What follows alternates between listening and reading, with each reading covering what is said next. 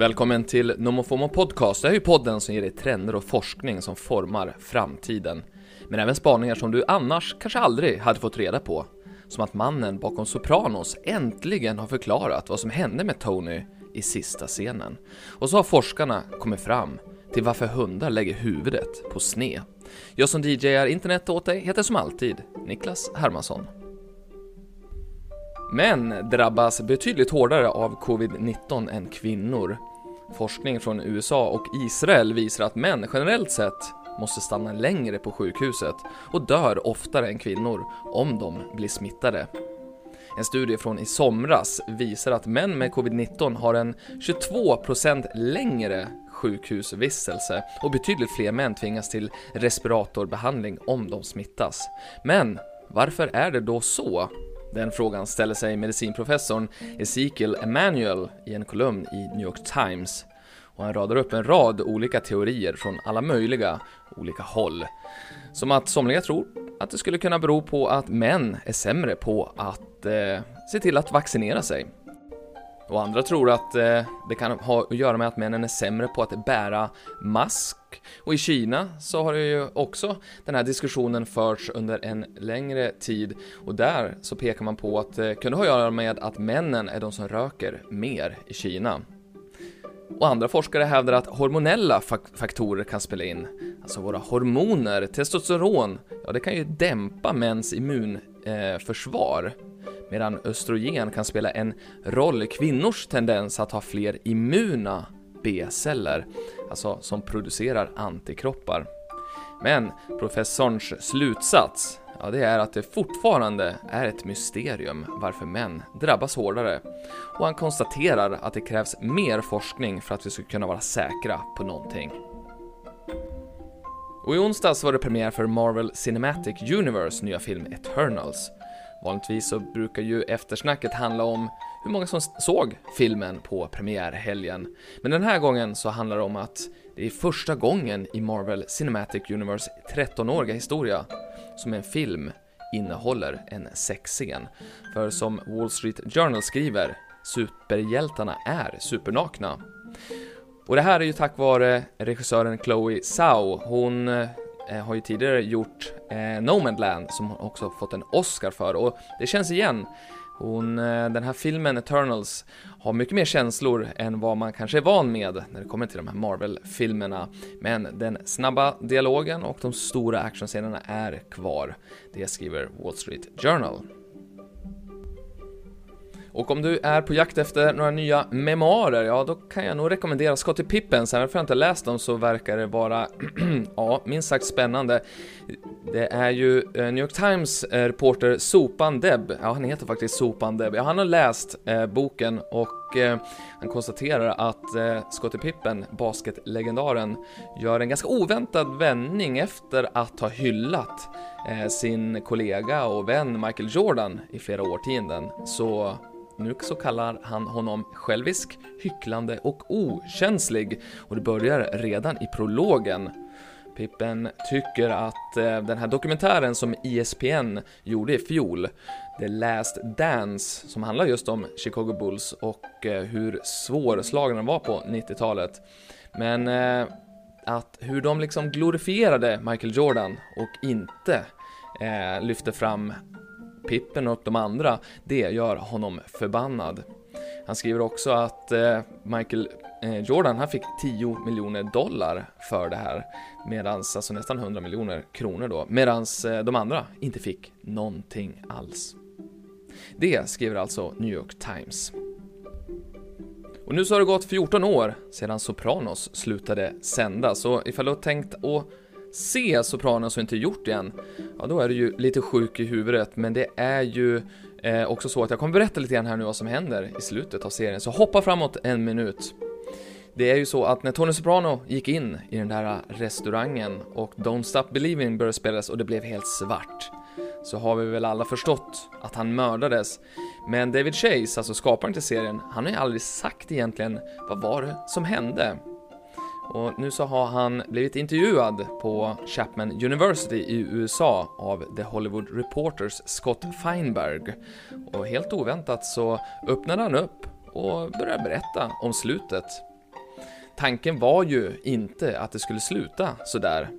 Det var så att planen var hela tiden att när Tony skulle bli mördad så skulle han bli det genom att han åkte ifrån New Jersey in till New York för ett möte där han skulle bli då skjuten, eller hur han nu skulle bli mördad.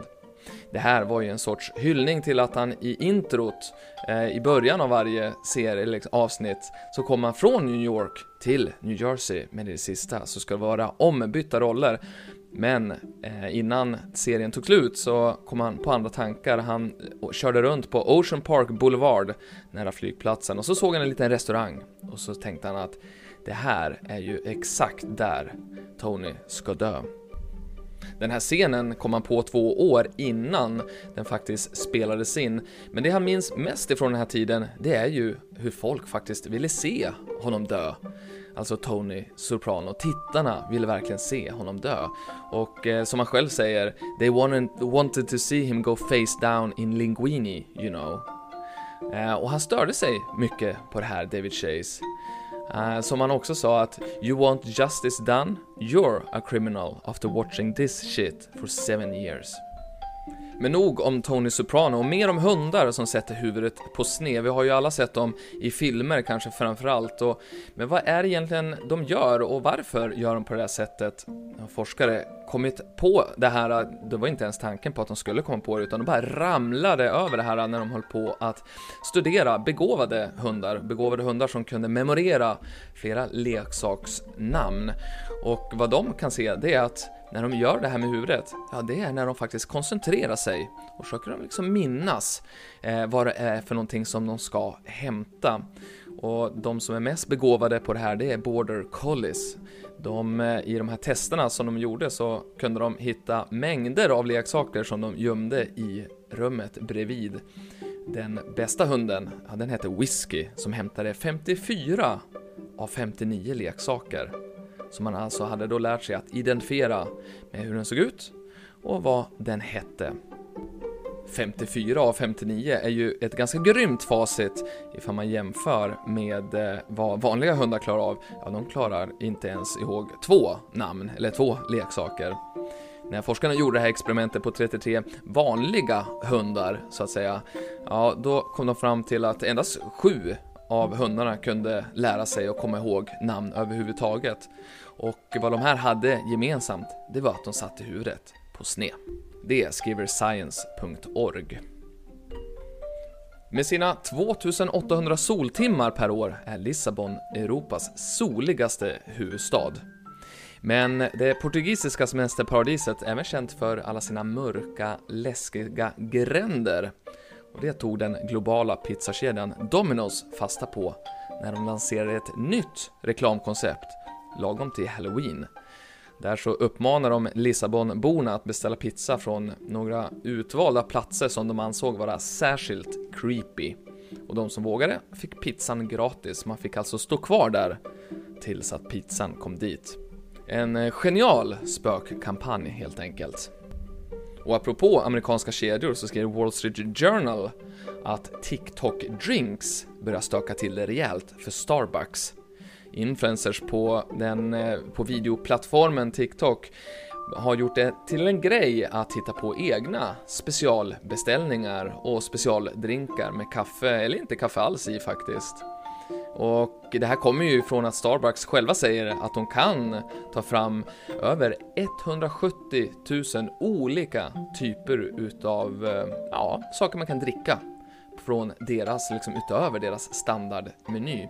Det här har ju influencerna tagit eh, till sin spets. Det är inte ovanligt att man beställer saker som har fler än 10 ingredienser. Eller vad sägs om det här receptet som eh, Anna Faber, eller hon kallas för Anna Loves Coffee, hon har 100, över 100 000 följare på TikTok. Hon fick det här receptet från en barista häromdagen. Jag tar det på engelska för det låter lite härligare. A venti cold brew with the caramel syrup and vanilla sweet cream, cold foam, apple brown sugar syrup, apple in the foam and cinnamon dolce on top. Mm, det var det. Starbucks under eh, belägring kan man säga, alltså ifrån TikTok-influencers som gör världens längsta beställningar. Och så har vi ju trenden med att köpa per personaliserade videos från kändisar, ja den håller i sig. Det amerikanska bolaget Cameo har 182 musikartister i sitt stall, bland andra Tommy Lee som tar 500 dollar för en video. Men han är inte dyrast, det är rapparen Mike Jones Who som vill ha 1000 dollar.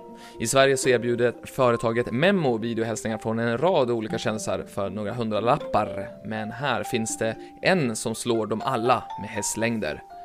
Rasmus Dangard jag vet inte vad man säger så, men Rasmus Dangard säger vi. Han blev tv-kändis tack vare Farmen 2019 och så gör han nu musik då, då. Han sticker ut med sin prislapp på 10 000 kronor. Om man får några beställningar, ja, det är ju en annan femma såklart. Och apropå musik, så är julmusiken redan här. Mariah Careys All I Want For Christmas Is You har redan tagit in sig på Spotifys topp 40-lista i USA och gjorde det redan faktiskt den 2 november. Och från en streamingplattform till en annan nu har Netflix gaming-satsning sjösatts med bland annat två Stranger Things-spel. För det har ju varit en väldigt hektisk höst för Netflix. Först så kom internetbutiken, där tittarna kan köpa merch, alltså tröjor och kaffekoppar och sånt där, från sina favoritserier. Sen så lanserades eh, deras globala event där fansen får träffa sina favoritskådespelare digitalt. Nu har de släppt sina första mobilspel. Det är Android-användarna som får testa det här först. Det skriver Hollywood Reporter. Och det, det var faktiskt allt för idag. Om du gillar den här podden så får du gärna tipsa om den till en vän. Och på onsdag morgon, ja då släpps ett nytt nummer utav nyhetsbrevet Nomofomo Insights. Och den här veckan så får du bland annat åtta spaningar som hjälper dig att förstå den kommande plattformen Metaverse. En spaning är till exempel att de stora techbolagen kommer att börja köpa upp gamingföretag eftersom det är de som kommer att vara nyckeln nu när det nya universumet ska byggas upp med digitala lager ovanpå vår fysiska verklighet. Missa inte det. Nu så säger jag tack för mig och så hörs vi igen om en vecka. No more fear och missing out.